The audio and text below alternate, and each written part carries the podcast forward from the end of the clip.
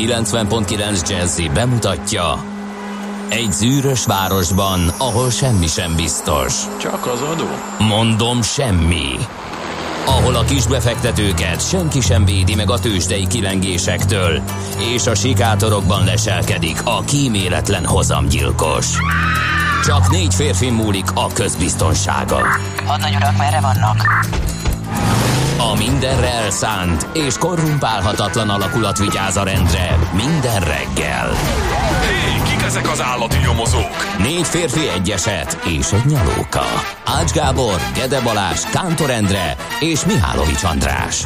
Az íróasztal mögül pedig Profit kapitány diktálja a tempót. Humor, emberi sorsok, közönséges bűnözők és pénz, pénz, pénz. Egy különleges ügyosztály. A Gazdasági Muppet Show minden hétköznap reggel a 90.9 Jazzin. De is figyelj, ne csak a bárányok hallgassanak. De miért? Ha nincs pénzed azért, ha megvan, akkor pedig azért. Millás reggeli. Szólunk és védünk. Jó reggelt kívánunk, kedves hallgatók! Egy eh, millás reggeli indul a mai reggel is. Itt a 90.9 Jazzin július 24-e van péntek, és fél hét múlt egy perccel a stúdióban Ács Gábor. És Gede Balázs. Hát ez is elérkezett, kérem szépen. Hát Olyan ez- gyorsan elment ez a hét. Egyébként igen. Uh, fú, de igen, szóval hosszú is volt. Tehát Gyakorlatilag keltem, feküdtem, közte dolgoztam. Közte hajtás volt, Igen, nem? igen, Azért. igen, igen, igen, és nem baj, hogy ez már az utolsó nap a héten, megmondom őszintén. Uh, Sokszor azt gondolják a hallgatók, hogy amikor mi itt befejezzük, akkor ugye egész nap héderelünk utána, és Igen. hazamegyünk, és, és pihengetünk, meg ilyesmi.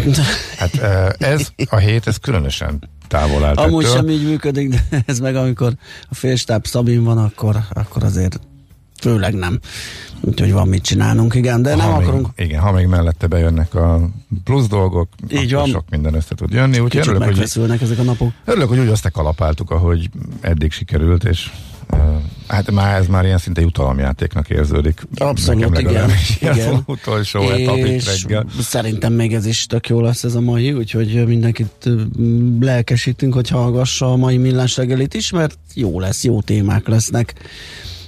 Fogunk például a nyugdíjjal foglalkozni, ami nagyon fontos, meg treasury block is lesz, elektronikus fizetés, illetve az a béli szokásaink felmérése, egy kis sport, félmaraton, Balaton átúszás, úgyhogy tényleg szerintem még ez az utolsó napi is jó színes lesz, és hát nem maradhat el ugye a 9 óra utáni utazós blokk, vagy blokkok, hogyha úgy lesz időnk még tőzsde után is visszatérni, ott is rengeteg érdekesség és újdonság.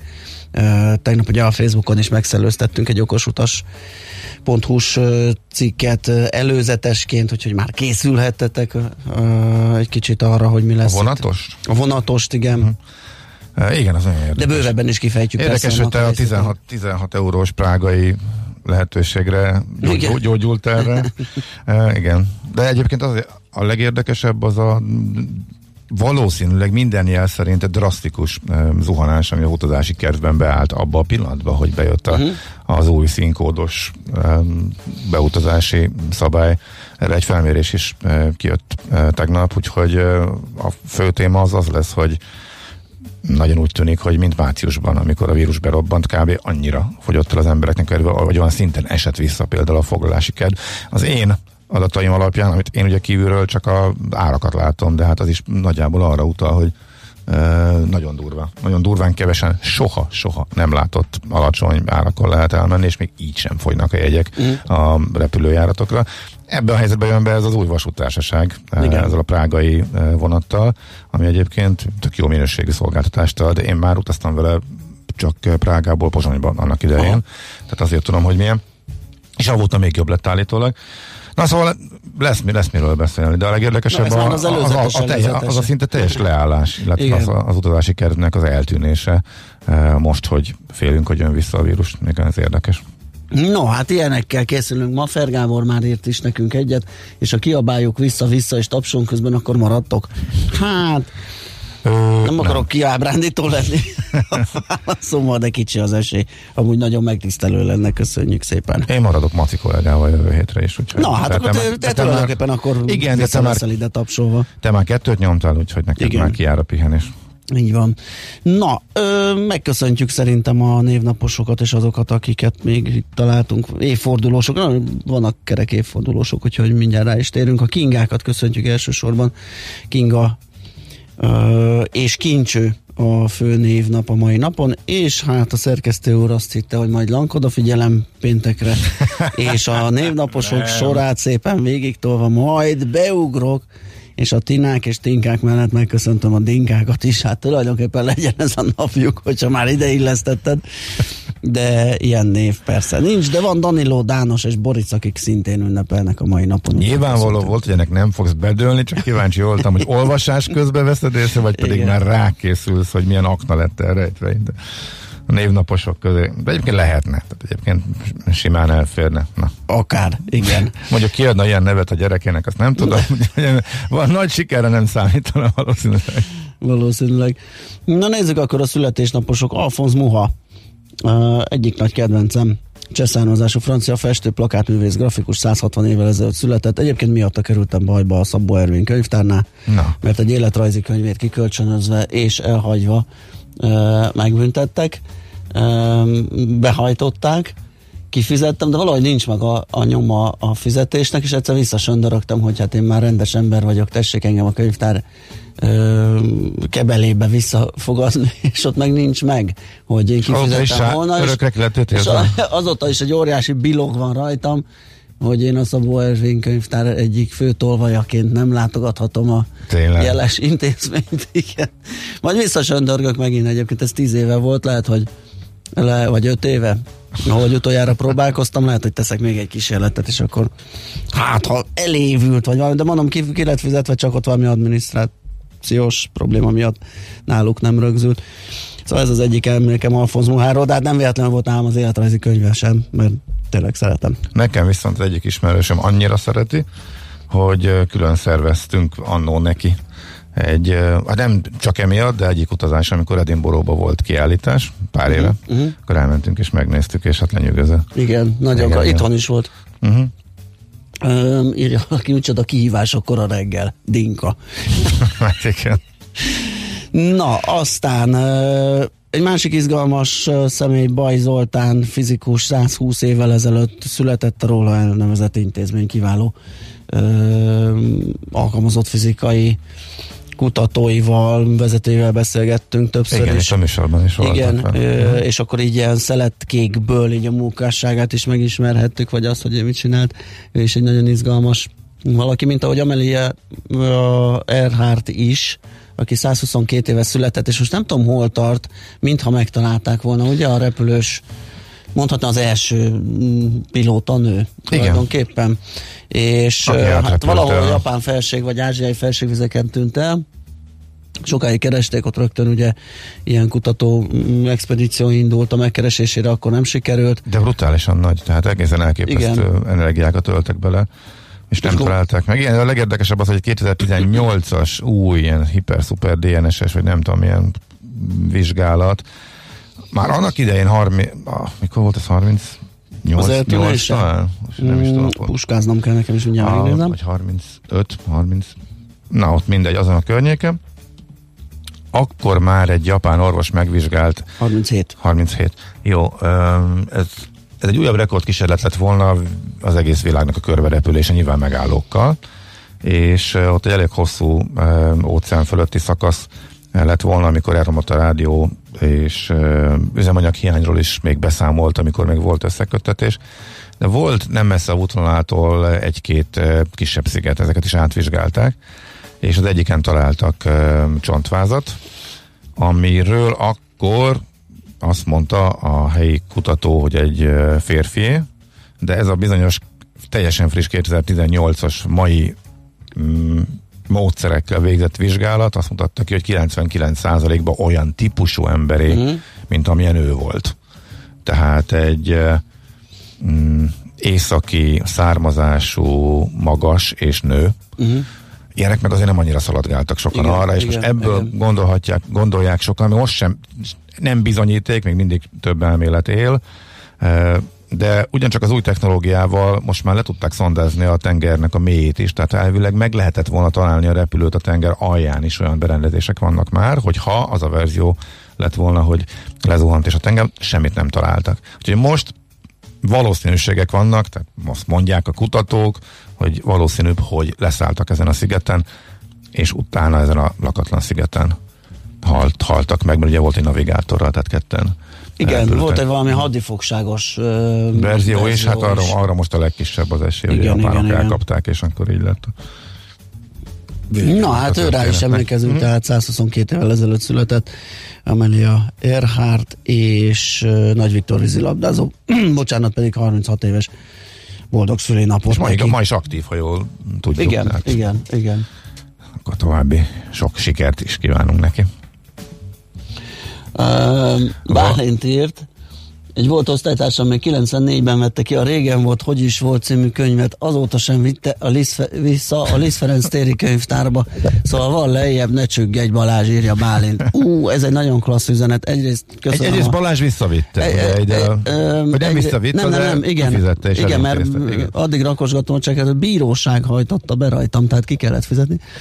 Um, igen, Ja, mert mondjuk hogy, másik. igen, köszi a biztatást, de ami nagyon izgal, hogy a Liszt Ferenc téri könyvtárban cseperedtem fel, gyakorlatilag ott tanultam meg olvasni, meg ott ragadott magával a könyvélmény, meg minden. Ott volt a szembelévő iskola, általános iskolában jártam, és gyerekként ilyen Tényleg? magyar órák, meg nem tudom, könyvtárlátogatás, ilyenek, igen, egy nagyon jó hangulatú kis, kifejezetten gyerek könyvtár volt, most nem tudom miként funkcionál, de igen, de hát ez úristen, de rég volt. Na, hát szerintem zenéljünk, amíg én itt el az emlékeimet elrendezgetem, és akkor utána lapszemlészetünk egyet.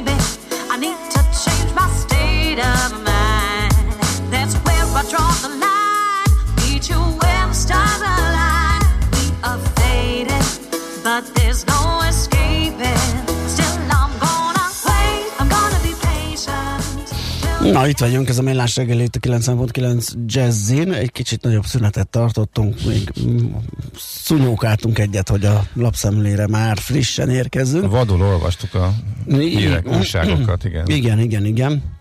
Én például azt se tudtam hirtelen mit válasszak a portfolio.hu-ról, mert van itt olyan cikk, ami az USA irányváltásáról szól, illetve az a- arra való felszólításról, ö, ami a csütörtöki mm, csütörtökön az amerikai külügyminiszter, a kaliforniai Richard Nixon elnöki könyvtárban elmondott beszédéből derül ki, Mike Pompeo ugyanis kifejtette, hogy Xi Jinping kínai vezető igazán hisz a csődbe jutott totalitárius ideológiában. Erről is lehet olvasni a portfólión, de egy 60 milliárdos hitelről is, amit felmarkolt Magyarország szép csendben az Európa Tanács Fejlesztési Banktól a járvány elleni védekezés költségeinek fedezésére, és hát elsőre érthetetlen, hogy miért volt erre szükség. A forrásra, a komoly költségvetési mozgástér és jelentős kormányzati tartalékok miatt, viszont Viszont a megállapodásról kiadott angol nyelvű közleményben kiderült egy új információ, a kormány várakozásai szerint akár 1000 milliárd forintot is meghaladhatja a járvány elleni védekezés idei költsége. Ugye itt az az érdekes, hogy mit, milyen költségelemeket pakol oda a kormány. Aztán ö, napi.hu-t keresem, hogy ők mivel indítanak. Addig esetleg nálad van-e valami? Én a 24.hu-n uh, olvasgattam a ma reggeli mm, cikküket, egy elég átfogó összeállítás arról, hogy mi lesz a zenei, zeneiparral, hogyha valóban nem indulhatnak újra a koncertek, illetve a nagyobb rendezvények augusztus 15-e után, és hát eh, nagyjából végkérdezgetik azokat a zenészeket, akik a, aktívan véleményt nyilvánítottak, illetve ezzel kapcsolatban megnyilvánultak a saját közösségi csatornáikon keresztül, és egy csomó kiegészítés van arról, hogy mekkora stábokkal dolgoznak, eh, és most már szinte mindenki lényegében, más, lényegében biztosra veszik a, másfél éves eh, leállást. Ugye ez abból jön ki, hogy tavasztól le kellett állni, ha ez a szezon kiesik, jövő tavasszal sem lehet újraindulni, mert nagyjából jövő nyárral terveznek eh, először, eh, mert hogy amúgy is holt időszak lenne a márciustól, vagy mondjuk az év elejétől eh, nagyjából a tavasz végéig tartó eh, időszak. Eh, érdekes, hogy például a, a egy halott pénz szintű zenekarnak is saját 40 fős stábja van, háttérstábja van, és ugye ők vannak a legnagyobb bajban, akik nem tudnak dolgozni, akkor a fesztivál szervezők közül uh, Loben vette, uh, Loben Norbert nyilatkozik, aki szerint nem tudnak más csinálni, például a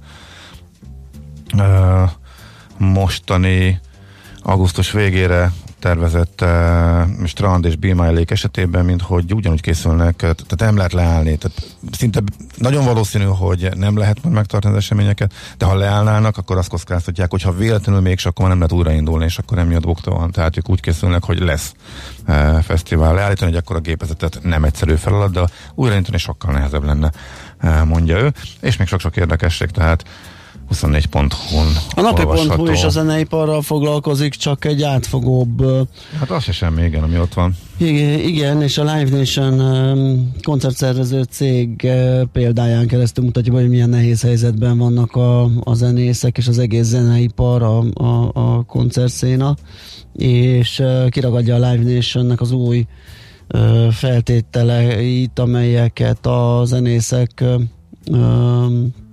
felé. lényegében el kell fogadniuk. El kell fogadniuk, igen, és sok, Minden veszteséget és kockázatot átlőcsül a zenészek Gyakorlatilag lényegében. Sokkal rosszabb feltételekkel lehet velük dolgozni. majd. Így is van, a maguknak kell megoldaniuk például az utazásukról és annak költségeiről. Hát most csak, amit mondtál a halott pénzről, hát ez egy óriási logisztikai feladat, ugye az egész ö, stábot és a, a cuccot mozgatni. A, a merchandise-ból kevesebb, kisebb arányú bevételben részesedhetnek, kisebb a lemondási vagy elmaradási díj, hogyha valami miatt meghiúsul a koncert kevesebbet kapnak, maguknak kell biztosítást kötniük arra az esetre, ha Viszmajorokká marad el az eset, Cs- csomó minden eddig nyújtott szolgáltatást és felelősséget átlőcsöl a zenészekre.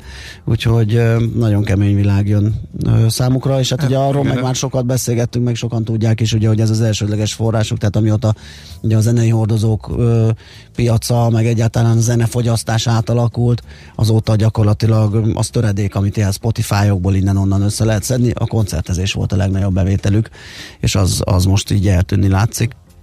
Igen, és egészen elképesztően rosszabb feltételekkel tervezi szerződni velük, tehát a legnagyobb globális koncertszervező cég, ami szintén nagyon sújtja a zenészeket, és hát azt mondja a cikk, hogy sokan emiatt abba is hagyhatják, illetve kevesebb zenekar is lesz, és kevesebb jó zene is lesz.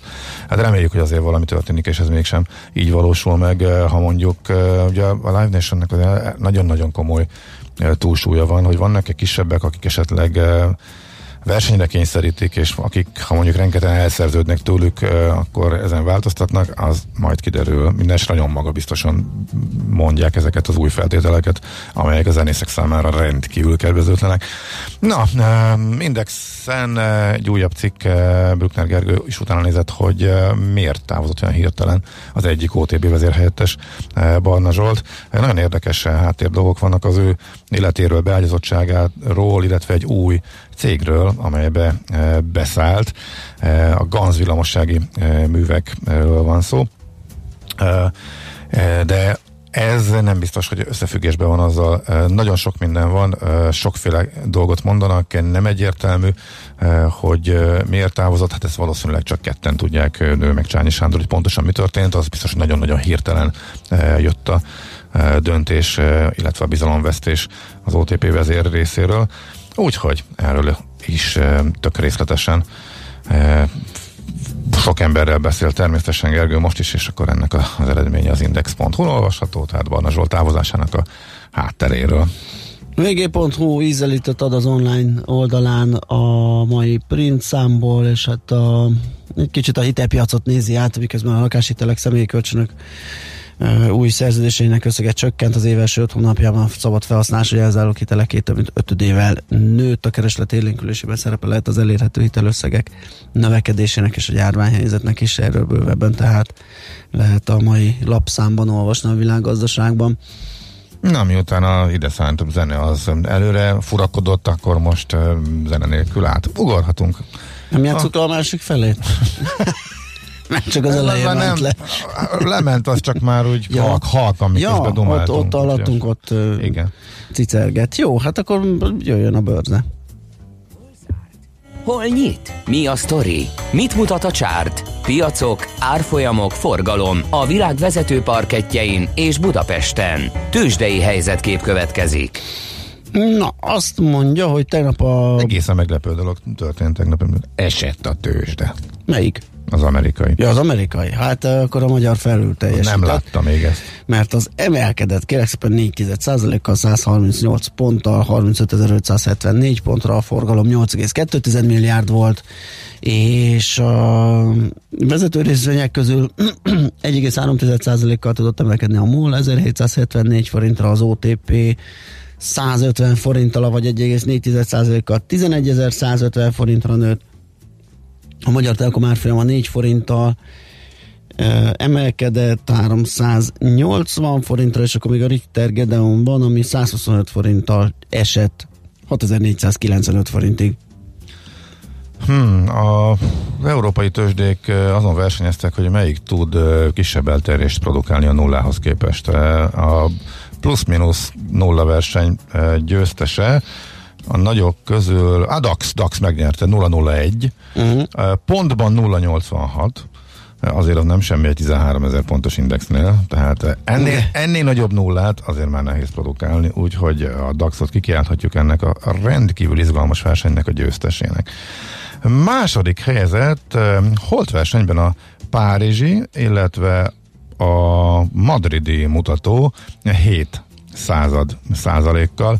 Úgyhogy nekik az a bravúr már nem sikerült, hogy pontban is egy alatt maradni, úgyhogy a 007-tel nem lehet, 007-tel még dobogóra lehetett állni ebben a versenyben, illetve Ó, de bocsánat, tehát hármas holt verseny van, mert a FUCI is 007, csak a pozitív irányba, tehát ő a plusz nullás versenyben nevezett be ezek szerint. A Eurostox 50-et nem számolom ide, mert azok ezeknek az átlagából, illetve az összes nagy európai, a legnagyobb 50 európai illetve eurozónás cég, akkor ez legyen egészen pontos ő 003-at produkál, de pont azért, mert így jöttek. Szóval nagyon durva. Az eddig nagyon durva alul teljesítő az idei év vesztesének számító osztrák piac EU eskedett magáért, több mint egy százalékot veszített, de igazából az izgalmak a Wall Street-en voltak, és Európa azért érdekes, mert még figyelmen kívül hagyta azt, ami Amerikában volt. Akkor megláttam, hogy megint e, várakozásoknál sokkal rosszabb munkanélküliség, illetve munkanélküli kérelemről, heti munkanélküliségi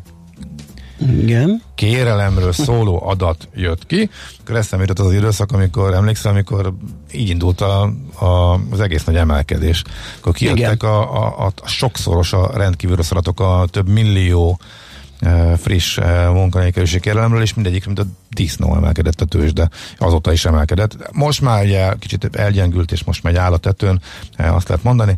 De tegnap végül erre esett, illetve könnyű meg a nap végén azt mondani, hogy erre esett, de hát napközben most is úgy tűnt, hogy um, túl tudja magát tenni a rossz adaton a Wall Street, többször is átlendült pozitív tartományba, de aztán a végén jöttek az eladók, és a Nasdaq vezetésével most azért e, rossz nap volt. Ami érdekes, hogy a Tesla a plusz 5%-os előrejelzésből, ami ugye az előző napi zárásán kialakult, a kiváló gyors jelentés után azért megjöttek az eladók, és e, tényleg ez volt az utolsó húzatjú. Minusz 5 lendült át, tehát azért egy napon belül 10%-os e, szakadás e, volt, de hát ezzel is 1500 fölött van még, és ugye 700-ról jött mondjuk két hónappal ezelőtt, annyi volt. A nagy tech cégek mindegyik elég nagy mértékben esett el, Alphabet, azaz Google 3,5%, Facebook 3%, Apple majdnem 5% az ekkor elmozdulás azért nem gyakran van az Apple-nál sem, és az Amazon is 3,5%,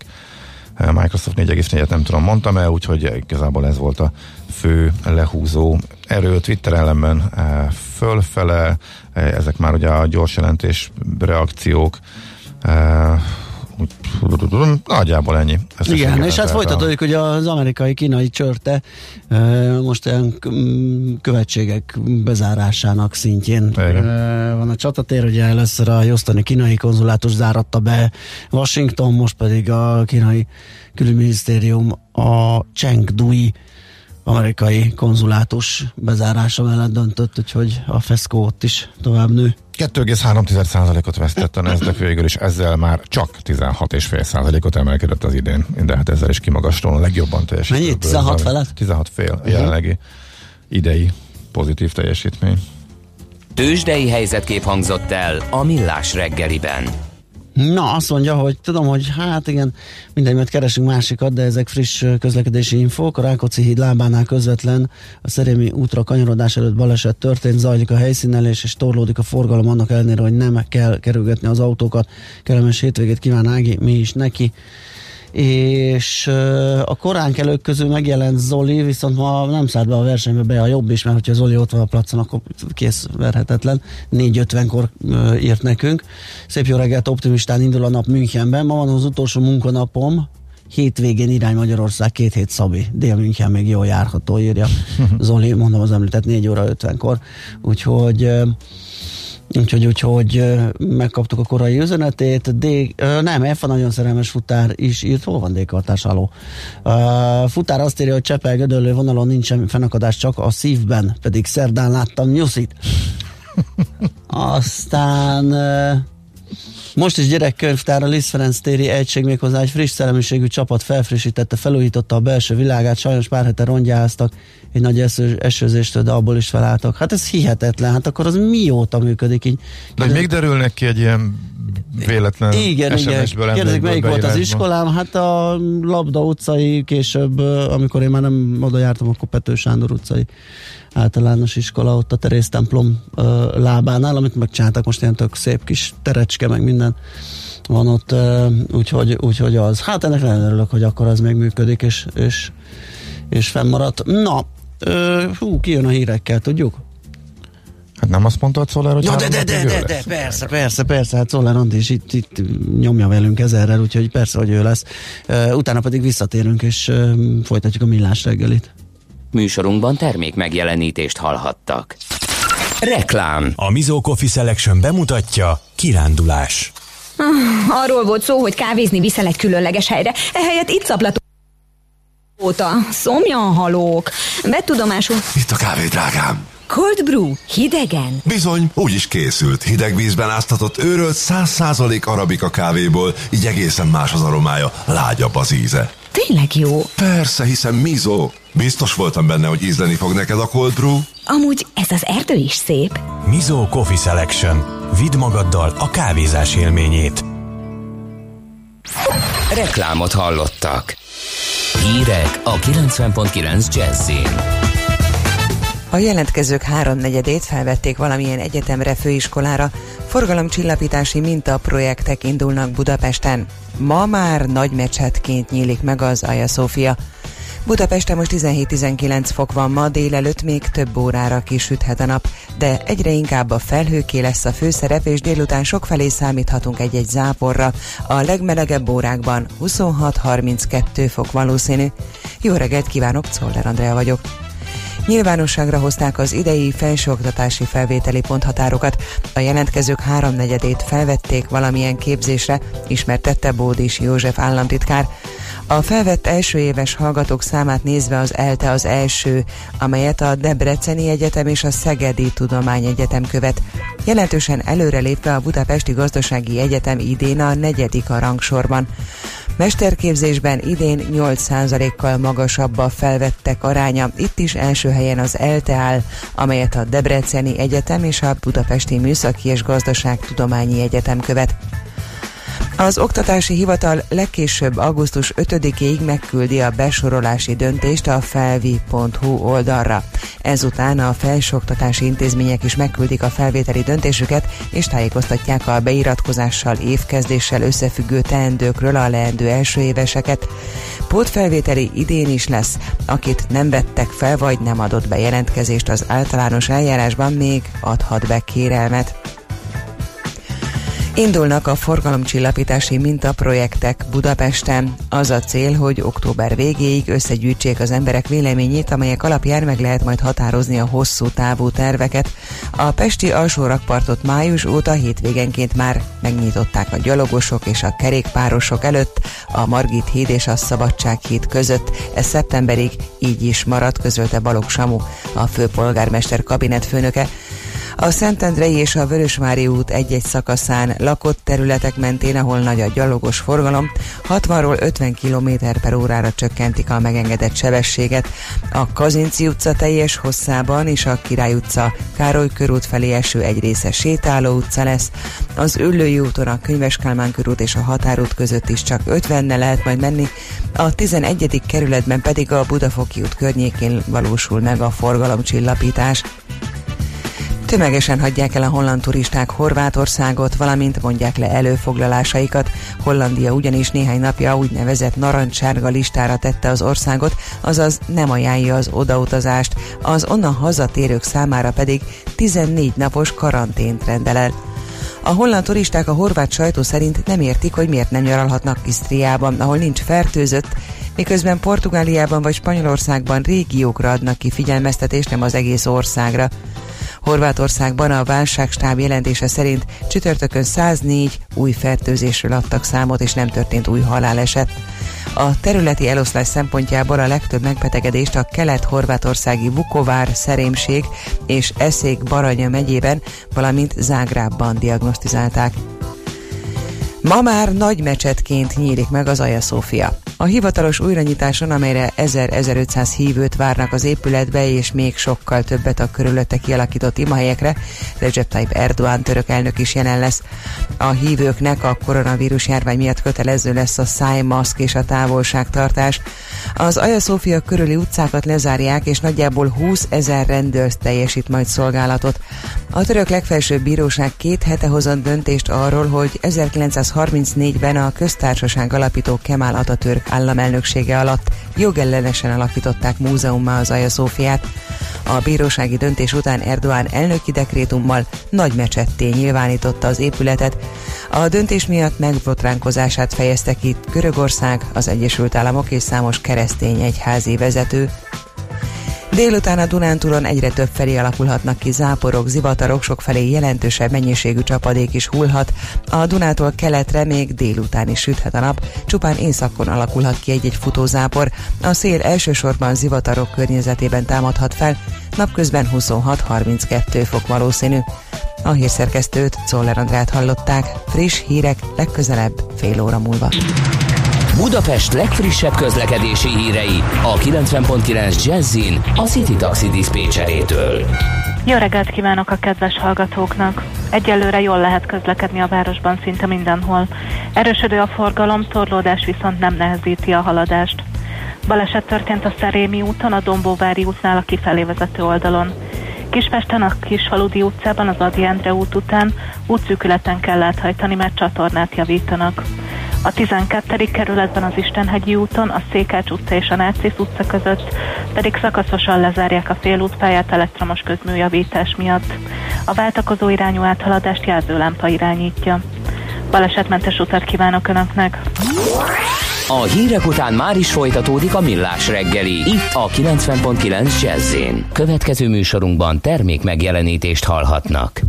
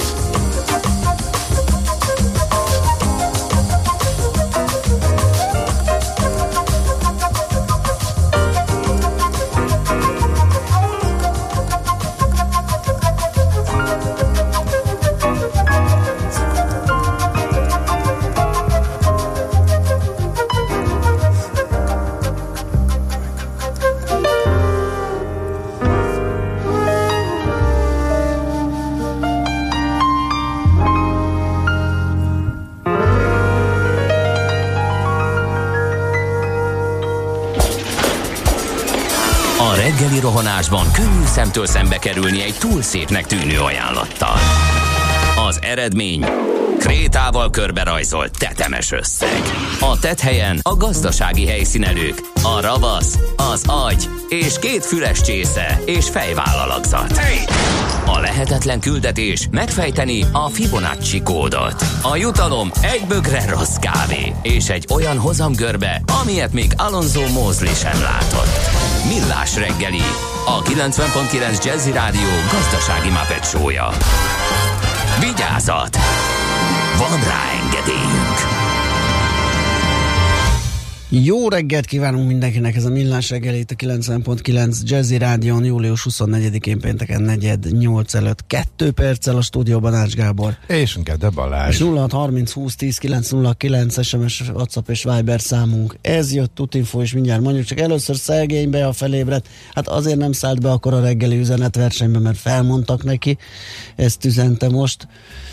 Úgyhogy hát nagyon sajnáljuk, reméljük, hogy majd lesz az jobb, és talál valami másik melót, nem ezt a ronda ö, Amazont, azt hiszem nála dolgozott. Sok Aha. minden kiderült az üzeneteiből az utóbbi időben.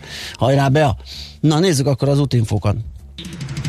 Budapest legfrissebb közlekedési hírei, itt a 90.9 jazz Petőfi híd, Budai híd főpest felé szintén baleset írta nekünk uh, Tibor, és az útinform pedig arról tájékoztat minket, hogy élénk forgalom alakult már ki az m 0 autó déli szakaszán, a szokásos M1-es autópálya felé a Háros Dunahídnál lassult le az előrejutás 15-20 perc a menetidő, az ellenkező oldalon egyelőre fennakadás nélkül lehet közlekedni.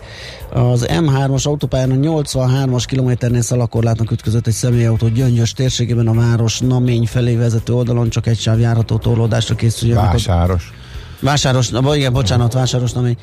Uh, úgyhogy a torlódásra kell felkészülni, aki esetleg arra kész közlekedik, az számítson erre. De amúgy elég zöld még a város, tehát úgy tűnik, hogy uh, ahol nincsen koccanás vagy baleset, ott csak a szokásos lassulás. Igen, ebben vannak. a pillanatban kaptuk, hogy az M5-ös bevezető is oké. Okay. Budapest, Budapest, te csodás! Hírek, információk, érdekességek, események Budapestről és környékéről. Fú, először a cím alapján olyan szép le, lett megfogalmazva, hogy nem is tudtam, hogy miről van szó. Az induló forgalom csillapítási mintaprojektekről Budapesten. Igen. Hát ez nem egyéb, mint a sok ö, felháborodást, vagy, vagy, vagy, vagy szemöldök ö, felhúzást kiváltó forgalomkorlátozás, ugye 30-ra és 50 kilométerre, ott, ahol ez, kell egyáltalán. Hát öt, azt hiszem, hogy pont olyat szóval a 30-asat még pont nem jelentettek be, szóval lassan és óvatosan csinálják, uh-huh. és először próbálgatják. Igen. Ja, tegnap volt nagy bejelentés, a hírekben is elhangzott néhány részlet ezzel e, kapcsolatosan. Több kerületi polgármester állt ki, illetve a főpolgármester e, kabinetfőnöke is ismertették részletesen, hogy mi az, ami már elkezdődött, és mi az, ami e, még lesz. Nem mennénk bele a részletekbe, nyilván a kazinci. Az igazság az annyi csak, hogy a, a 30 km per óráról nekem meg, megdöbbentő volt ez az arányszám, hogy kiderült, hogy a fővárosban jelenleg is az úthálózat harmada ilyen módon forgalom csillapított, tehát 30 uh-huh. km per órás. Úgyhogy valószínűleg ott kevesebb hely lesz, ahol még hozzá lehet nyúlni, és esetleg Igen. szükség van, szerintem ez jól ki van alakítva. Inkább azokat, ahol fölnyomták, hogy a, a városon belüli 50 kilométert valami rendkívüli 60-70-re, azokból lehet esetleg visszavenni 50-re. Így lesz ez nagyjából például ugye ott a Szentendrei, Vörösvári úti ö, szakaszon is. Én nagyon kíváncsi vagyok ennek a, a sikerére. Most nagyjából az látszik, hogy egyrészt Ebben megint van olyan, hogy pár szimpátia alapján mondanak véleményt mm. az emberek, az jól látszik, tehát mit tudom én, a propaganda oldalak szerint már most reggeltől estig dugó van, stb. stb. Ez ugyanúgy távol a valóságtól, mint az, hogy ezt ész nélkül azonnal és egy csomó útvonalra érdemes lenne bevezetni. Úgyhogy itt próbálgatják, ez szerintem így jó, aztán majd meglátjuk az eredményt. Ott lakó ismerősök között is teljes megosztottság van, tehát van, aki ezt messzélességgel támogatja, de pont tegnap találkoztam egy olyan uh, ismerősemmel, aki azt mondta, hogy megfordítják a Veselényi útot, ez szintist, aki mm, szórása az ottaniakkal nem fog tudni gyorsan átérni akkor a ismerő, az ismerőseimhez, hogyha mennem kell, tehát ez parkolóhely problémák is vannak, abból is elvesznek, tehát ő például abszolút rosszul éli meg és hülyeségnek tartja. De ebben nyilván a de ez megint ugye saját, általában attól függ, igen, neki lehet, hogy ez kellemetlenséget okoz rövid távon, és ő mondjuk autóhoz van szokva. Az az ismerős, aki szívesen békávizott eddig is, egy teljesen más életstílusa van, ő meg támogatja, tehát mm-hmm. ez nyilván Így van, mindenki. per, nyilván. A, igen, üléspont és álláspont, ezt, ezt ismerjük, ezen azért nehéz e, túllépni. E, én nem vagyok érintett, e, én meg kíváncsian figyelem, e, és azt látom, hogy ez alapvetően az egész világon így megy, és óvni kell a környezetet, és ki kell szorítani amennyire lehet az autókat, tehát ezért elvi szinten nyilván támogatom, de kíváncsiak, hogy valóstató ez meg, és okosan kell csinálni észre, úgyhogy igazából részünkről csak ennyi az észrevétel. Kazinci utca, sétáló utca, ez Király utcánál, és kiszednek egy részt, hogy ne funkcionálhasson, ugye párhuzamos utcaként, menekülő útvonalként, elég rendszeresen be volt dugulva a kiárata a Deáknál, úgyhogy az most ezek szerint, ha jól értem, megszűnik. Ugyanúgy a Nádor Honvéd azt sem fog tudni a Bajcsinak a elkerülőjeként működni, tehát azt is kiveszik, úgyhogy ezek a legfontosabb változások, de több kerület is érintett. 11. kerületben a Budafoki útnál lesz hasonló, úgyhogy Üllői út lakótelepi részén, a Könyves Kálmán és a határút között 60-ról 50-re, szóval érdemes végigböngészgetni, sok minden változás van, és akkor ennek megfelelően, hát kicsit akinek kell átalakítani az életét, nyilván a legjobb az lenne, hogyha örömmel szállna át mindenki esetleg az autóból a tömegközlekedésre, de kétségtelen, hogy nem mindenütt olyan minőségű a tömegközlekedés, amilyen lehetne. Azzal együtt, hogy büszkék lehetünk arra, hogy a világon a legjobbak között vagyunk tömegközlekedési ellátottság tekintetében, és most már ugye a járművek minősége is elég komoly mértékben volt az elmúlt időszakban. Na jó, szóval kíváncsian várjuk most már majd az eredményeket szép lassan tehát jönnek konkrétumok arról, hogy hol milyen forgalomcsillapítás lett. Itt a tegnapi bejelentéseknek a nagy része tehát arról szól, hogy a párzamos menekülő útvonalakat, a kis utcákat szüntessék meg, amelyek a gerincutakkal párhuzamosan mennek, és így onnan az autókat eltérhítsák. És egy másik, ez tök érdekes még, beszéltünk a Dunakanyari hajóról, akkor, amikor a vonatpotló hajó működött, én ki is próbáltam természetesen, és nagyon-nagyon jó volt, nagyon-nagyon élveztük. Akkor annyi volt, hogy ingyenesen, amikor leszakadt a lezúdult a kőtömeg, és leállt a, vasút, és Nagymaros és Szop között a Dunakanyar legszebb részén nem lehetett menni vonattal, akkor hajóval pótolták, és egy ingyen hajóval. És hát képzeld el, hogy szerencsénk volt, mert mondtam, hogy szedjük a lábunkat, mert lehet, hogy sokkal lesznek, pont mögöttünk bezárták a kaput, és igazából tényleg két hajónyi ember ment volna, úgyhogy órát kellett várni annak a következő hajóra, aki mondjuk éppen nem ért oda időbe. És a nagy sikeren felbuzdulva, de komoly támogatással, tehát néhány hete bejelentették, de nagy potentátok voltak ott, és majdnem egy szalagátvágáshoz hasonlított, hogy rendes menetrenddel egy ilyen komplet hajójárat rendszert alakítottak ki, 500 forintos hopon hopoff rendszerben, tehát lehet fölpattanni, és már bevonták Debrecen, bevonták Szentendrét is, és egy tök jó menetrend alakult Ugye ki. a folytathatóság a, igen, a, a igen, rendszernek igen. a lényege, tehát vissza Nagyon lehet szállni jó. valami Kiszállsz, leszáll, egész napos elképesztő jó kirándulásokat lehet tenni, úgyhogy hogy átpattansz a másik partra, és a Dömösön is ki lehet szállni. Na jó, és itt a is ez vagyok, működik. karikázok egyet itt, hogyha Szerintem nem érdemes. lesz valami esőmentes nap esetleg. Arra viszont érdemes figyelni, hogy van egy péntek szombati menetrend, Aha. akkor teljes, viszont az azon túli, az, az, az lájtos, ott nem, tud, ott, ott nincs, nem tudsz hopon hopoffolni végül is, mert ott csak egy hajó igen, van, és igen, az, igen. ez kicsi, az kevés. A péntek tűnik az ideálisnak, hogy valaki elmenjen, mert akkor valószínűleg kevesebben vannak még, de már a, a nagy menetrend él, amikor minden hajó jár. Itt ezzel kapcsolatban a legfrissebb újdonság, ami mai, hír, hogy ma beraktak még egy új járatot, mert úgy tűnik, hogy nagyon működik és nagyon sikeres. Tehát 500 forint az a jegy, amivel egész nap föl tudsz szállni a, a hajókra, a Hopon Hopov.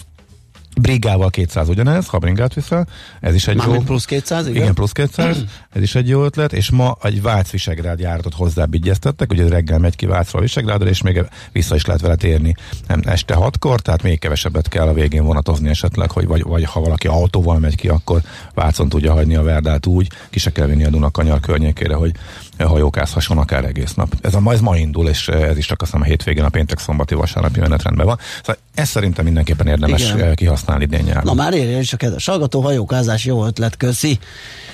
Úgyhogy Igen, csak javasolni tudjuk. Közben azon vigyorogtam, hogy ugye, hogy hogy változik a slang, és hát annak idején még az én ifjabb koromban ugye a szobsturovó az, hát hogy mondjam, tehát valamilyen bizonyos esetre, ugye, ami, amikor az ember póró járt, vagy valami ilyesmi történt, akkor az egy használatos kifejezés volt, hogyha finoman akartuk kifejezni a probléma jellegét. Nekünk a Gellért hegy a Himalája. A Millás reggeli fővárossal és környékével foglalkozó rovata hangzott el.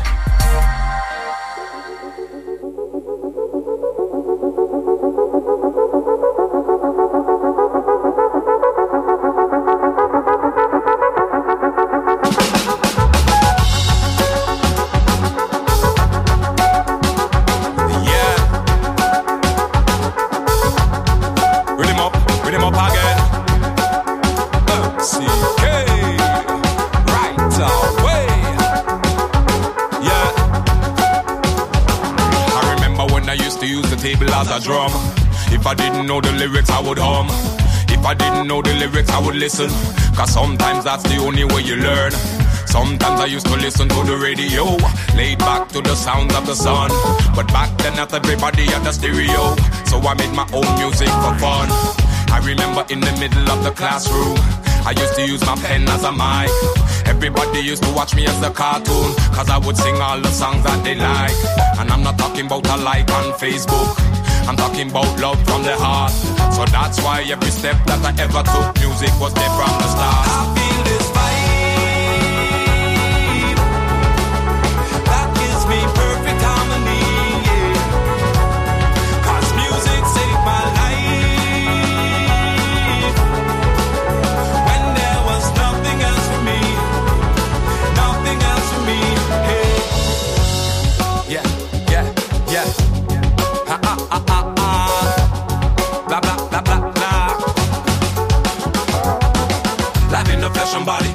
You better call somebody to come and help you stop me. Not you alone, no, no, no, not with the way that I flow. Cause mama told me I grow, that's why I'm getting bigger. Hustle to get them figures, get it behind me haters, get it behind me Lucy. Stop trying to be intrusive, don't make me have to lose it. Don't make me have to go back to the days when I was cruising on the street every day, looking for that good cooking. No girl them on the joking, they see me now they looking, looking for every reason to flip on me like the seasons. Delilah, she's a teacher, she don't got no comparison. She used to cut, you know she's waiting with a Smith and Wesson, but she can't catch me, no, no, not with the way that I flow. Cause mama say that I grow, and when I see them I know. So when I see them I move, got nothing to them to prove, and I don't care what they say. I feel this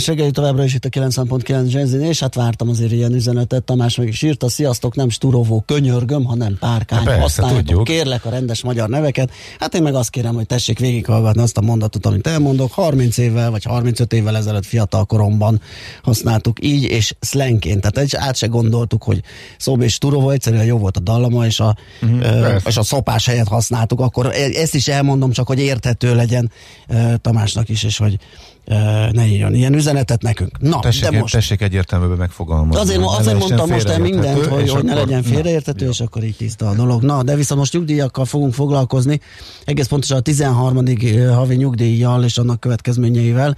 Farkas Andrással a Nyugdíj Guru News alapító főszerkesztőjével. Szia, jó reggelt! Jó reggel, sziasztok! Azaz a nyugdíjgurúval. Igen. Személyesen? ez, ez a Így van. lényeg. Szóval tisztességesen betesz azért ez a nyugdíjrendszernek, mert itt éveken át itt időnként beszélgettük, és akkor néha meg is lepődtünk, hogy milyen optimista volt, amikor mondtad, hogy hát ez a rendszer azért 30-as évekig azért így gurul ebben a formájában. Hát most már nem, ugye? Nagyon veszélyes tendenciákat látok. A, természetesen kezdjük azzal, hogy a nyugdíjasok nyilván rendkívül örülnek annak, hogy valami plusz pénz áll a házhoz, hiszen az mindig nagyon jó a jelen nyugdíjasainak, hogyha egy kicsit több pénzt kaphatnak.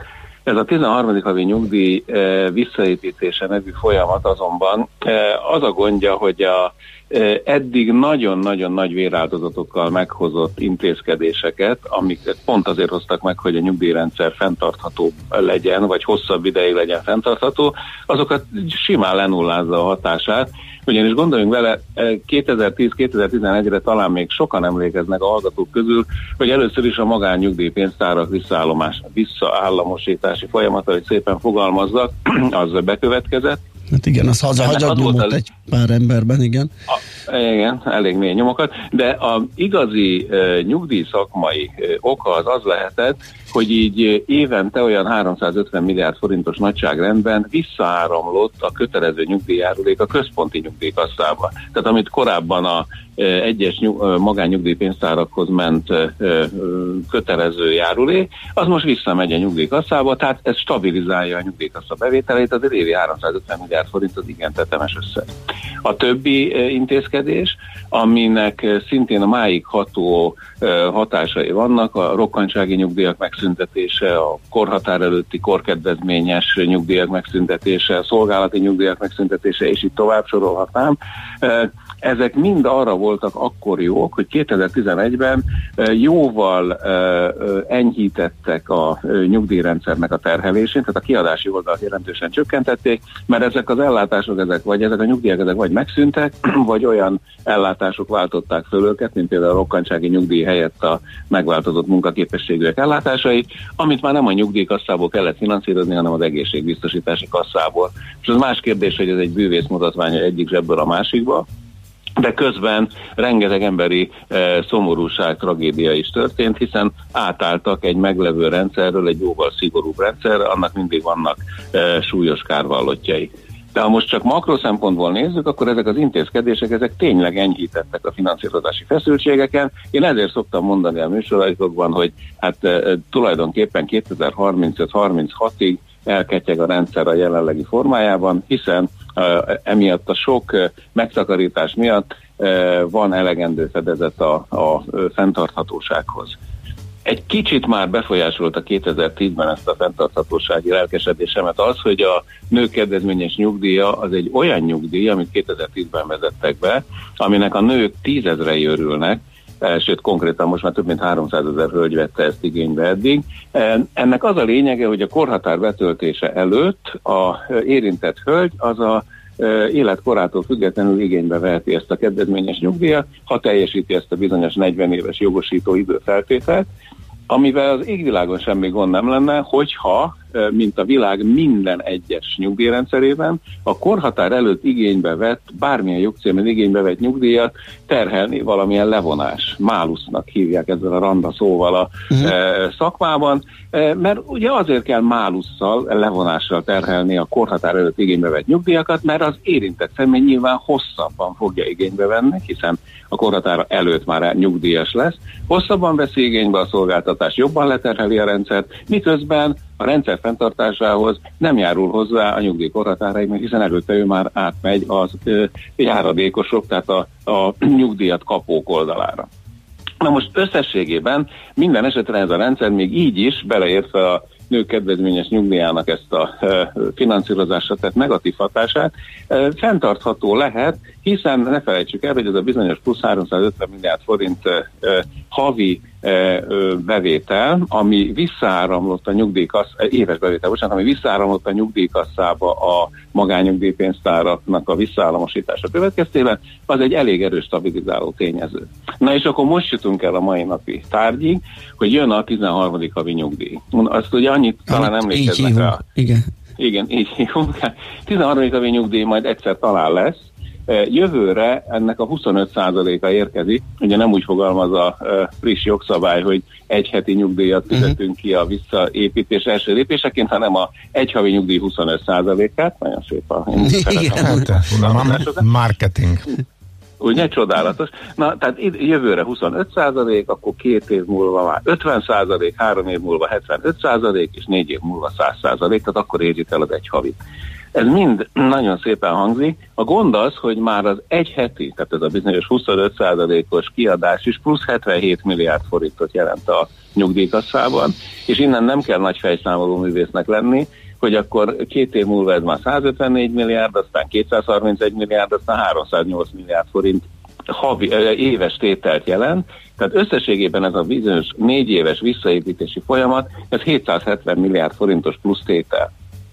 Abban a nyugdíjkasszában, és most jön a lényeg. De azt is lehet mondani, Abban hogy a bocsánat, csak egy zárójeles megjegyzés, tehát azt jelenti, hogy amikor visszaépül, attól az évtől kezdve, hogy teljes 13. havi nyugdíj lesz, eh, az majdnem pontosan annyi, eh, mint amennyit éves szinten a magánnyugdíjrendszer visszaállamosításával meg lehet spórolni, és amennyi visszaáramlik az állami nyugdíjrendszerbe a befizetésekből egy adott évben. Igen, egy, alig egy hajszállal kevesebb, mert ez olyan 310 uh-huh. milliárd forint lesz éves szinten, ha teljesen visszaépül a 13. havi nyugdíj. Uh-huh. Tehát plusz 310 milliárd forint fog megjelenni finanszírozási igényként minden évben. Abban a nyugdíjkasszában, amit a tépe azért a sors rendesen, mert ugye egyrészt egyre több lesz a nyugdíjas, hiszen ne felejtsük el, hogy most is benne vagyunk még a Ratkó évjáratok utolsó eresztésének a nagy áramlásában, tehát most a 1956-ban születettek mennek nyugdíjba idén meg jövőre, e, aztán 2022-ben az 57-ben születettek, és akkor onnantól a nagy létszámú korosztályok gyakorlatilag már ott lesznek a e, nyugdíjasok között. Emiatt megnő a nyugdíjasok létszáma, és nem a jelenlegi 2 millió 80 ezer öregségi nyugdíjassal, hanem 2 millió 200 ezer öregségi nyugdíjassal számolhatunk lassan. Ez az egyik ok, tehát több ember lesz jogosult.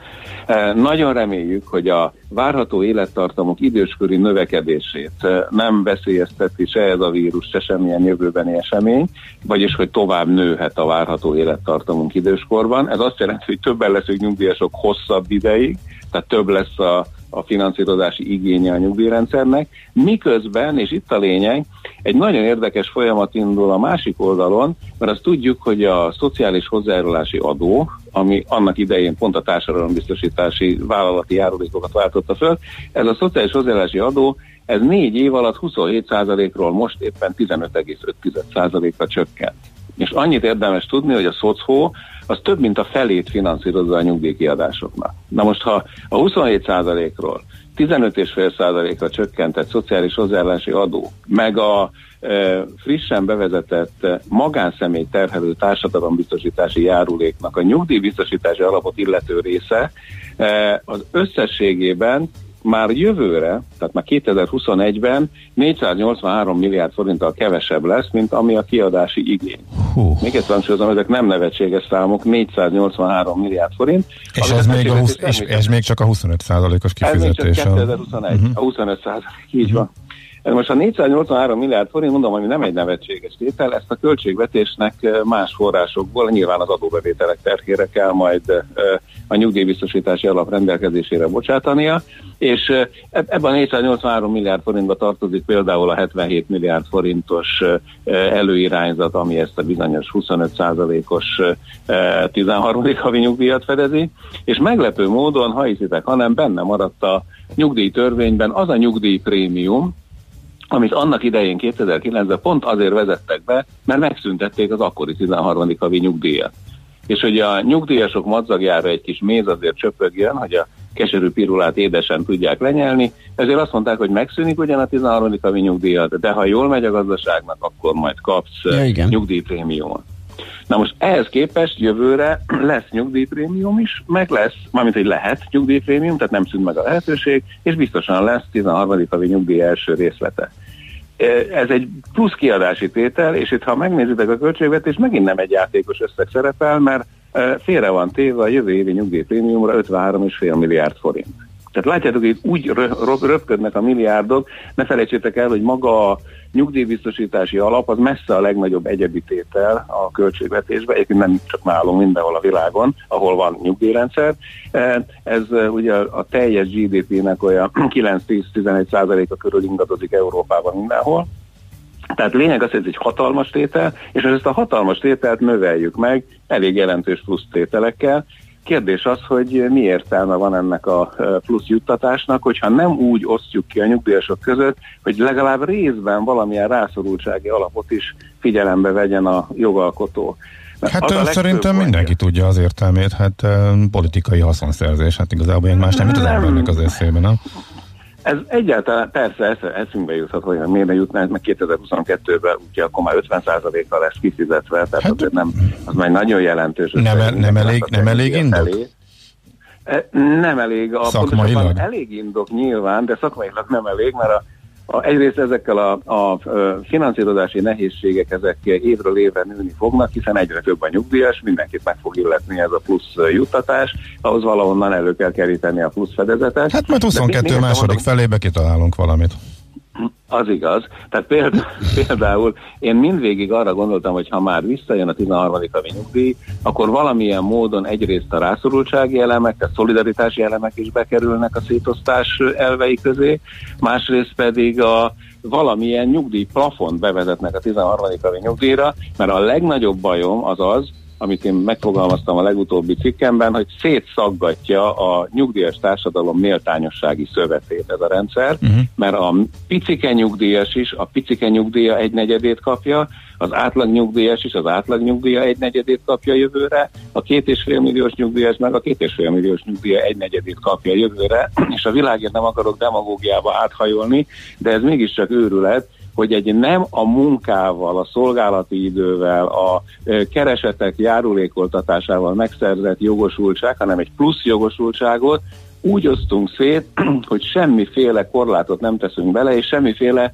jövedelemtranszfer nincs benne a szegényebb rétegek javára. Mert ha már pluszba adunk, és azért politikai haszonszerzés céljából az a, a szegények vannak mindig többségben, hogyha ők jól érzik magukat, akkor az lenne a nagyobb hatás, nem Aha. gondolják? Tehát még ezzel a célral is az igen, lenne. Persze, mindenképp csak uh-huh igen, az emberben felmerül, hogy a politikai haszonszerzés csak a felületen, tehát a kommunikációban volt fontos, és a részletek kidolgozásában esetleg kevésbé. Lehet, hogy még, igen, lehet, hogy még ez majd igen. szofisztikáltabb lesz a rendszer később. Csiszolódik. Mert nyilvánvalóan a, a, ugye most több kelet-közép-európai állam élükön a, a lengyelekkel az élen bevezettek 13. és a 14. havi nyugdíjról is beszélnek, ami egy nyugdíj szakmai szempontból azért őrület, mert öregedő társadalmakban, ráadásul a koronavírus által sújtott, kicsit nehéz helyzetbe került gazdaságban, ami ilyen szempontból csak amiatt említem, mert ha rossz a gazdasági helyzet, a nem elég gyors a gazdasági fejlődés, akkor az adóbevételek, meg a járulékbevételek fejlődési íve is megtörhet, uh-huh. miközben beígértünk sokkal több juttatást. Tehát ezek még nagyon nagy feszültségeket vezethetnek a jövőben, és gyakorlatilag le, lenullázhatják teljesen a 2009-2010-es nagy véráldozatokkal uh-huh. járó és mondom nyugdíjszakmai szempontból teljesen indokolható és védhető, Igen. kommunikációs okay. szempontból nem túl szerencsés uh-huh. ügyleteket. András, és akkor megint ott fogunk igen, Igen, ez egy tökéletes végszó volt, vagy lett volna, de azt akkor hadd kérdezem meg, hogyha eddig arról beszéltünk, hogy a 30-as évek második feléig gurul, ketyeg a, e, ezek után a reformok után a nyugdíjkassa. Ha ez így marad, nem nyúlunk hozzá, és mondjuk a szocó is így marad, tehát bevétel, még kiadási oldal is. Még, még csak, hát, akkor most mit mondasz a 30 évek, 30-as évek második fele helyett, hogy hol borul fel a dolog? Hát mennyire sikerült ezt akkor most szétrobbantani a nyugdíjkasszát? Minden attól függ, hogy hogyan függ, a, hogyan fog növekedni a gazdaság. A, a GDP valóban az ilyen ígért 4,8 meg 5 százalékokat tudja tartani növekedésbe, akkor nem kell nagyon módosítani az előrejelzést, de ha ez a mesebeli állapot nem érhető el, akkor szerintem már 2030 körül kapkodhatjuk a fejünket, hogy miből lesz pénz a nyugdíjaknak. Uh-huh. Oké. Okay. Hát addig még azért néhányszor beszélni fogunk, Igen. úgyhogy követjük a változásokat. Pontosítjuk az előre. Igen, mindenképpen. Köszi szépen. Szervusz, szép napot. Farkas András, a Nyugdíj Guru News alapító főszerkesztőjével beszélgettünk. Azért az éves ötöt tartani az elég nehéz, főleg, hogyha nálunk ugye a GDP potenciál olyan kettő-kettő-kettő fél. Igen eléggé kizártnak tűnik. Az is igaz, hogy viszont uh, sokkal több uniós pénzt kapunk, mint Ezt amivel mondani. Most egy darabig most egy, ez, ez ad egy lökést, az egy, mert igen. alapvetően az, az, az adja a, plusz, a igen. pluszt. Csak eddig, hát eddig is azért nem kis részben abból jött a, mi lesz, ugye? növekedés. Uh-huh. Uh-huh. Jó. Hát elgondolkodtató volt, úgyhogy most Hát már csak azért is, mert egy kis szerencsével majd pont a mi nyakunkba, amik, ugye, amikor mi leszünk nyugdíjasok. Pont akkor, igen. igen. Na jó, menjünk tovább. De nem, Szóval- így már hamarabb. Vagy így már hamarabb. Így már hamarabb, hogyha sikerül jó. fölrobbantani. Oké. Oh, jó van. Czoller Andi jön a hírekkel, utána jövünk vissza. Műsorunkban termék megjelenítést hallhattak. Rövid hírek a 90.9 Jazzin. Szinte az egész országra figyelmeztetést adott ki a meteorológiai szolgálat, délutántól heves zivatarokra kell számítani, viharos széllökésekkel és akár jégesővel. Jövő tavasztól a szakképzésben tanulóknak is járhat a diákhitel. A szabadon felhasználható képzési hitel akár havi 150 ezer forint is lehet. A szakképzéshez felvett diákhitel visszafizetésére a tanulmányok befejezése után 10 év áll rendelkezésre, tette hozzá Varga Mihály pénzügyminiszter. Júniusban már enyhén élénkült a gazdaság, de a második negyedévi GDP így is 10%-kal csökkenhet éves összehasonlításban. Az év egészét tekintve pedig 5%-kal zsugorodhat, meghaladva a korábban várt, ma már optimistának tűnő mínusz 3%-os jóslatot, közölte a pénzügyminiszter. Varga Mihály azt mondta, hogy a legnagyobb éves visszaesést áprilisban mérték, akkor volt olyan hét, amikor 20%-os volt a csökkenés, Májusban lassult a gazdaság visszaesése, a hónap végén pedig megfordult a trend, és júniusban már az enyhe élénkülés jelei is mutatkoztak. Az Európai Parlament jelenlegi formájában megvétózza a tagállamok alkuját. Az egyik ok a jogállamiság, írja az Index. Az állásfoglalás szerint ugyan a rövid távú gazdasági helyreállítás szempontjából kedvező a megállapodás, de a hosszú távú költségvetés megvágása elfogadhatatlan. A jogállamisággal kapcsolatban az EP határozott sajnálatát fejezi ki, hogy a jogállamiság az alapvető jogok és a demokrácia fenntartása érdekében a hosszú távú keretköltségvetés és a helyreállítási terv terén végzett biztonsági és parlamenti munkát a tanács politikai döntése jelentősen meggyengítette. Ahhoz, hogy a következő 7 éves költségvetéssel és a 750 milliárd eurós helyreállítási alappal kapcsolatos jogszabályok életbe léphessenek, mindenképpen szükség van az Európai Parlament hozzájárulására is. Ma kezdődött volna a Tokiói olimpia. A Nemzetközi Olimpiai Bizottság a koronavírus járvány miatt azonban 2021. július 23-ára halasztotta az ötkarikás játékok kezdetét. A számítások szerint a döntés majdnem 6 milliárd dolláros veszteséget jelent. A világjárvány miatt előfordulhat, hogy végleg törölhetik az olimpiát. Tudósok már áprilisban arról beszéltek, hogy széles körben elérhető vakcina nélkül biztonságosan nem lehet lebonyolítani az eseményt átneveznék a polgárháborús tábornokokról elnevezett katonai támaszpontokat az USA-ban. Több republikánus politikus is megszavazta az új törvényjavaslatot, noha Donald Trump korábban jelezte, hogy nem támogatja a névváltoztatást. A demokrata párti többségű képviselőház szerdán fogadta el a maga védelmi költségvetési törvényét, amely külön záradékban rendelkezik a konföderációs időszak tábornokairól és személyiségeiről elnevezett 10 támaszpont nevének módosításáról. A konföderáció az amerikai polgárháború idején a déli tagállamok szövetsége volt, és ma sok amerikai szemében a rabszolgatartó időszak jelképe. Délután a Dunántúlon egyre több felé alakulhat ki zápor, zivatar, sok felé jelentősebb mennyiségű csapadék is hullhat. A Dunától keletre még délután is süthet a nap, csupán északon lehet egy-egy futózápor. A szél elsősorban zivatarok környezetében támadhat fel, napközben 26-32 fok valószínű. A hírszerkesztőt Czoller Andrát hallották. Friss hírek legközelebb fél óra múlva.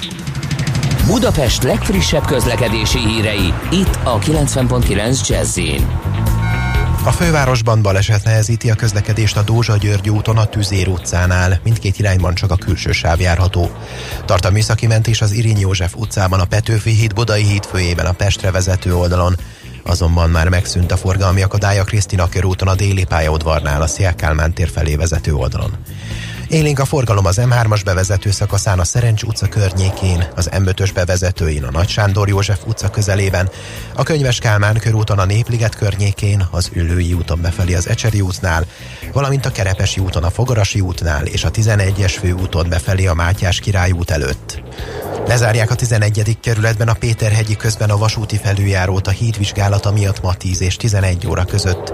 Továbbá a 19. kerületben a Kisfaludi utcában az Adi Endre út után útszűkületen kell áthajtani csatornajavítás miatt mától. A hét végére lezárják a Pesti alsó rakpartot a Közraktár utca és a Margit híd között, mert átadják a gyalogos és kerékpáros forgalomnak. Illetve a hétvégén pótlóbusz közlekedik a H9-es hév helyett Cinkota és Csömör között karbantartás miatt, de a Cinkota alsó megállót nem érinti. Nemesszegi Dániel, BKK Info.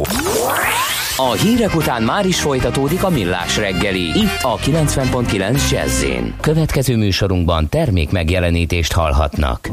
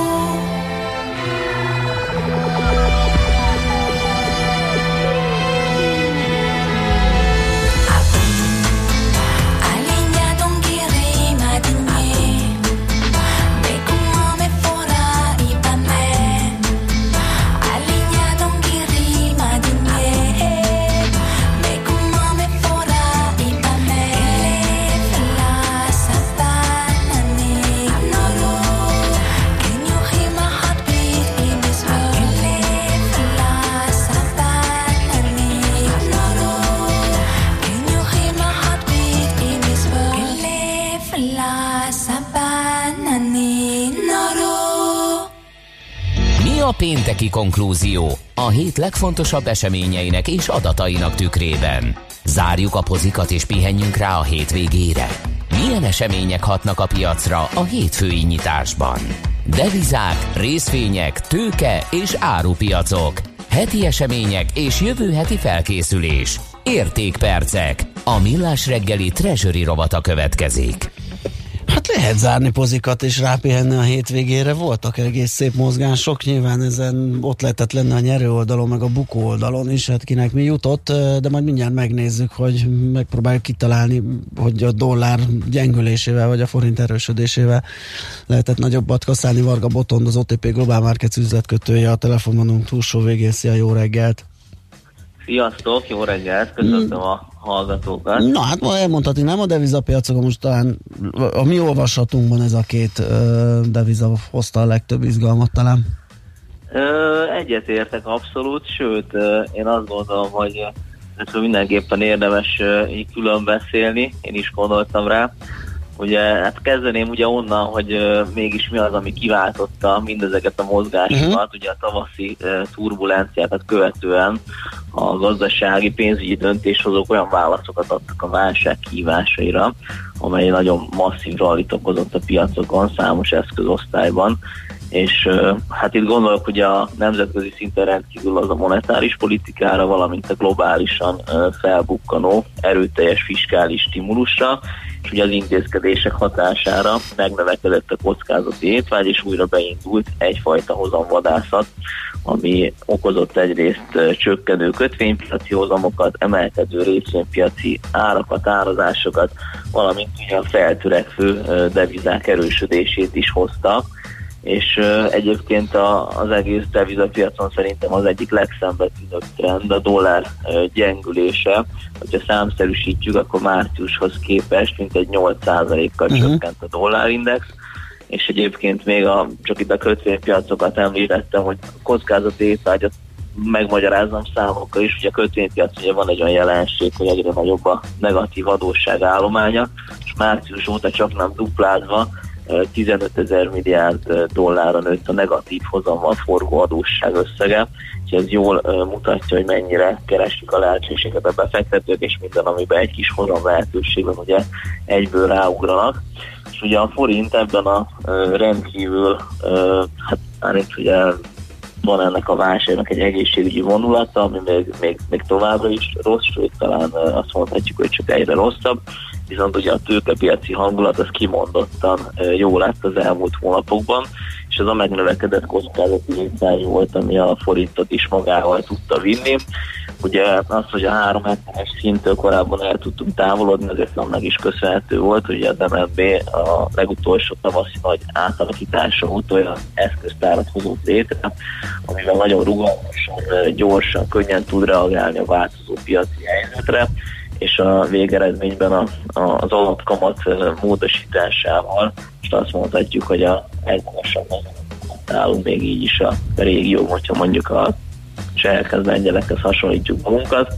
Most ennek ellenére a forint leszámítva az utóbbi pár nap nagy erősödését, az elmúlt 30 kereskedési napon nem volt szerült teljesítő a régióban, még mindig van egy körülbelül egy százalékos lemaradás teljesítményben az Lotyihoz vagy a koronához képest, de azért most ugye itt az elmúlt napokban a kedvező európai hírek hatására 350-es szint alá tudtunk jönni. Tegnap ugye a Varga Mihály nyilatkozott, hogy akár 5%-os is lehet, akár uh-huh. a idei GDP visszaesés, ami nyilván egy elég súlyos adat, de hát azt látjuk, hogy máshol a világban csak rosszabb a helyzet, úgyhogy ilyen környezetben a forintnak is megnőtt a vonzereje. Ugyanakkor a spekulatív pozíciók azok ismét a forint gyengülésére kezdenek kiépülni, és hát azért 300, 350-es szint alatt alapvetően szerintem egy erős forintról beszéltünk tekintettel arra, hogy egy nagyon bizonytalan idő áll előttünk. Ah, világos.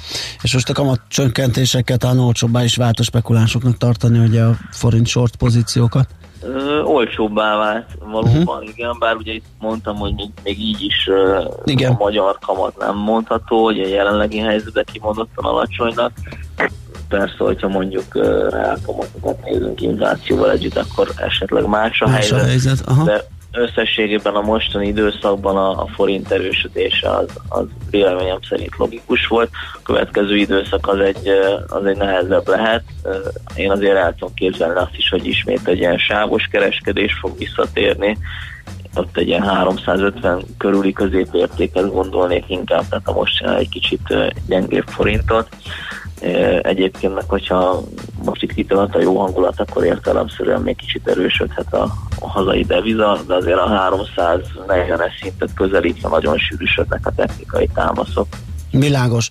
Nézzünk egy picit a részvénypiacokra, hogy ott mi történik. Ugye mm, nem akar az Abika elfáradni, gyakorlatilag tovább robognak a piacok. Hát azért már, hogy mutatja a fáradtsága. Nem olyan Hát így ütembe meg robog megáll. tovább, nem olyan ütembe meg robog azért megáll, tovább. pihenget, aztán majd. Hát azért már leáll, isz, még állat. Kicsit azért én már érzek némi fáradtságot rajta. Vannak megpihenések, már egy kicsit izzadnak az indexek, én is azt látom, de hogyha a, a nagy képet nézzük, akkor egyrészt a, hát én azt tudnám mondani, hogy a fundamentumok, meg az árfolyamok azok ö, időben most egy kicsit elváltak egymástól. Ö, most pont megnéztem itt tényszerűen a, a beszélgetés előtt a számokat. Ugye az USA-ban elindult már a második negyedéves gyors jelentési uh-huh. szezon is itt a július első heteiben. Az S&P 500 cégeinek körülbelül a negyede jelentett eddig, és azért egy olyan 16%-os ö, profit csökkenés rajzolódott ki eddig, legalábbis ugye ebből a 25%-os mintából. Továbbra is azt látjuk, hogy az egészségügyi szektor és a technológia az, ami igazán jól tartja magát, de hogyha az egész piacot nézzük, akkor ez a 16%-os ö, visszaesés van a profitokban, ami szerintem azért egy elég markáns, elég súlyos mértékű visszaesés. Na de ha a várakozás mínusz 20-ra ment le, akkor de jó, A fölül, fölül teljesítettük. Valóban, igen, igen.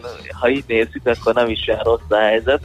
Minden esetre a részvényárak ugye közel ugyanott, vagy akár még magasabban vannak, mint a, a válság előtt. Hogyha mondjuk megnézzük az S&P 500-ot, akkor ott a csúcs óta mínusz 4%-ról beszéltünk, az egész idei évet nézve meg körülbelül plusz 10 és hogyha meg, megnéznénk külön a Nasdaq indexet, ami ugye pont, hogy a, a főleg a technológiai vállalatokat tömöríti, valamint számos ilyen biotechnológiai céget, idén egy 20%-os emelkedést látunk, úgyhogy ez nyoma sincs a problémáknak. Nyilván mondjuk, ugye mondtam én is, hogy ez egy ebben a válságban legalábbis most egy defenzívebb uh, csoportnak bizonyult.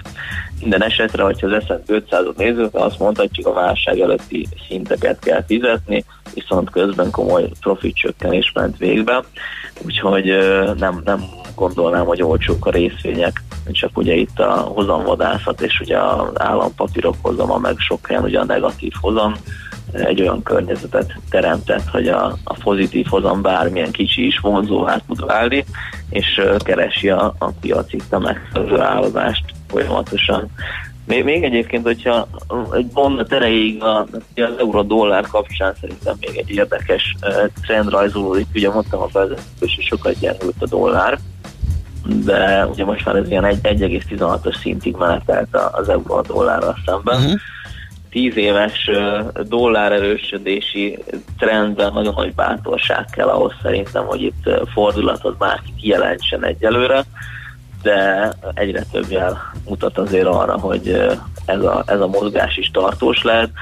Ráadásul ugye, hogyha figyelembe vesszük, hogy a, az euró vonzereje relatíve javult a devizapiacon, hiszen ugye 6 éve negatív tartományban vannak a kamatok, miközben a Fed ö, ugye kamatemelési ciklusban volt, és a Covid válság óta az euró kamatok nem csökkentek tovább, miközben a dollár kamatok a nullához simultak, ráadásul a én legalábbis az egészségügyi aspektusából szerintem Európa a legnehezebb részén túl lehet, de mindenképpen jobban áll, mint az USA. És ugye most a, a múlt hétvégén, hét elején az európai csúcsvezetők végül is elfogadták ezt a 750 milliárd eurós gazdasági mentőcsomagot egy közös hitelfelvétellel együtt, ami ismét mélyíti az európai integrációt, és a széthulási félelmek meg ismét a háttérbe szorulhatnak. Úgyhogy az euró-dollár is szerintem nagyon izgalmas, még van egy-két nagyobb ellenállás előtt, 1.18-1.20 környékén van több szint is, de akár egy nagyobb tér is nyílhatna, hogyha ezeket sikerül uh-huh. áttörni. Világos, köszönjük szépen, jó munkát kívánunk még már, aztán jó pihenést. Köszönöm szépen nektek, Szia. és jó kereskedést kívánok a hallgatóknak. Szervusz! Varga Botondal, az OTP Global Markets üzletkötőjével beszélgettünk egy kicsit a devizapiacokról, részvénypiacokról. A hét legfontosabb eseményei és jövő heti felkészülés, értékpercek, a millás reggeli treasury robata hangzott el. Azt mondja, hogy uh, Igen. De belebújtál. Á, nem, nem olvasom el Tom üzenetét. Azt mondja, hogy örömmel szállné, szállnék át tömegközlekedésre, ha ez nem azzal járna, hogy a 25-30 perc autózásért 35-40 percnyi buszban töltött idő megtetéződik. Összességében 35-40 percnyi megállóban várakozásra. Igen, ez az én, én esetemben a számok nyelvén az úgy néz ki, hogy én 5 óra 40-kor indulok autóval, hogyha BKV-zni akarok, akkor a számok stimmelnek, csak 4-50-kor kell Ö, illetve már van egy 5-10-es járat, bocsánat, nem akarom itt magamat túl sajnáltatni. Igen, az 5-10-kor kell elindulnom, de hát ahhoz a kelés, ugye annak megfelelően az a korábbi, tehát ilyen fél öt körüli. Hát ez, ez visszatartó erő nálam is, megmondom őszintén. Az a helyzet nálam, ugye én nagy BKV párti Igen. vagyok, meg biciklipárti, de ez a hajnal, ez nekem is autós maradt. Kipróbáltam a befutástól elkezdve a biciklit, tömegközlekedés, minden, de nekem is 35 perc, 40 perc különbség van, és öregszem, és is sokat számít. Napon belül nem, tehát városban, vagy bárhova az minden elgurul, BKV-val, meg máshogy. Ez a reggel, ez meg ne, hát ugye ez tök egyéni, jó lenne ezt is le, de ez nem fog tudni már gyorsulni, van benne átszállás, van benne várakozás, reggel kocsival azok az útvonalak nagyon jól járhatóak, ugye, amelyek nappal nem. Ugyanez, ha napközben lenne, akkor valószínűleg már teljesen máshogy lenne, amikor nincs koránkelési probléma, meg sokkal lassabb is lenne autóval. Azért nem véletlen, amikor volt délutáni műsor, akkor rendszeresen BKV-val jöttem ugyanezen az útvonalon, tehát ilyeneken múlik. És ugye itt az a feladat, hogy minél több embernek olyan szolgáltatást biztosítani, és ezeket a tömegközlekedési időket úgy lerövidíteni, és a kulturáltságát, a színvonalát úgy nevelni, hogy megérje Igen. őket ebbe az irányba terelni. Hát ez a feladat, igen.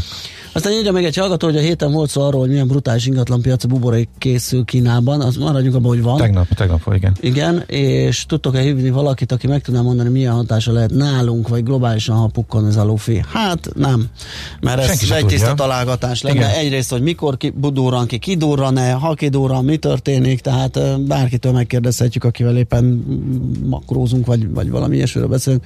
Van egy valamilyen ötlete, vagy víziója esetleg, de ez Senkinek fogalma senki nem nincs, ezt fogja szerintem tudni megmondani. Szerintem is. Mehetünk tovább. Czoller Andi jön a friss hírekkel, utána pedig visszajövünk, folytatjuk a millás reggelit, és egy felmérést fogunk végigvizsgálni, hogy hogyan is viszonyulunk az elektronos fizetésekhez. De Dávid Gábort vár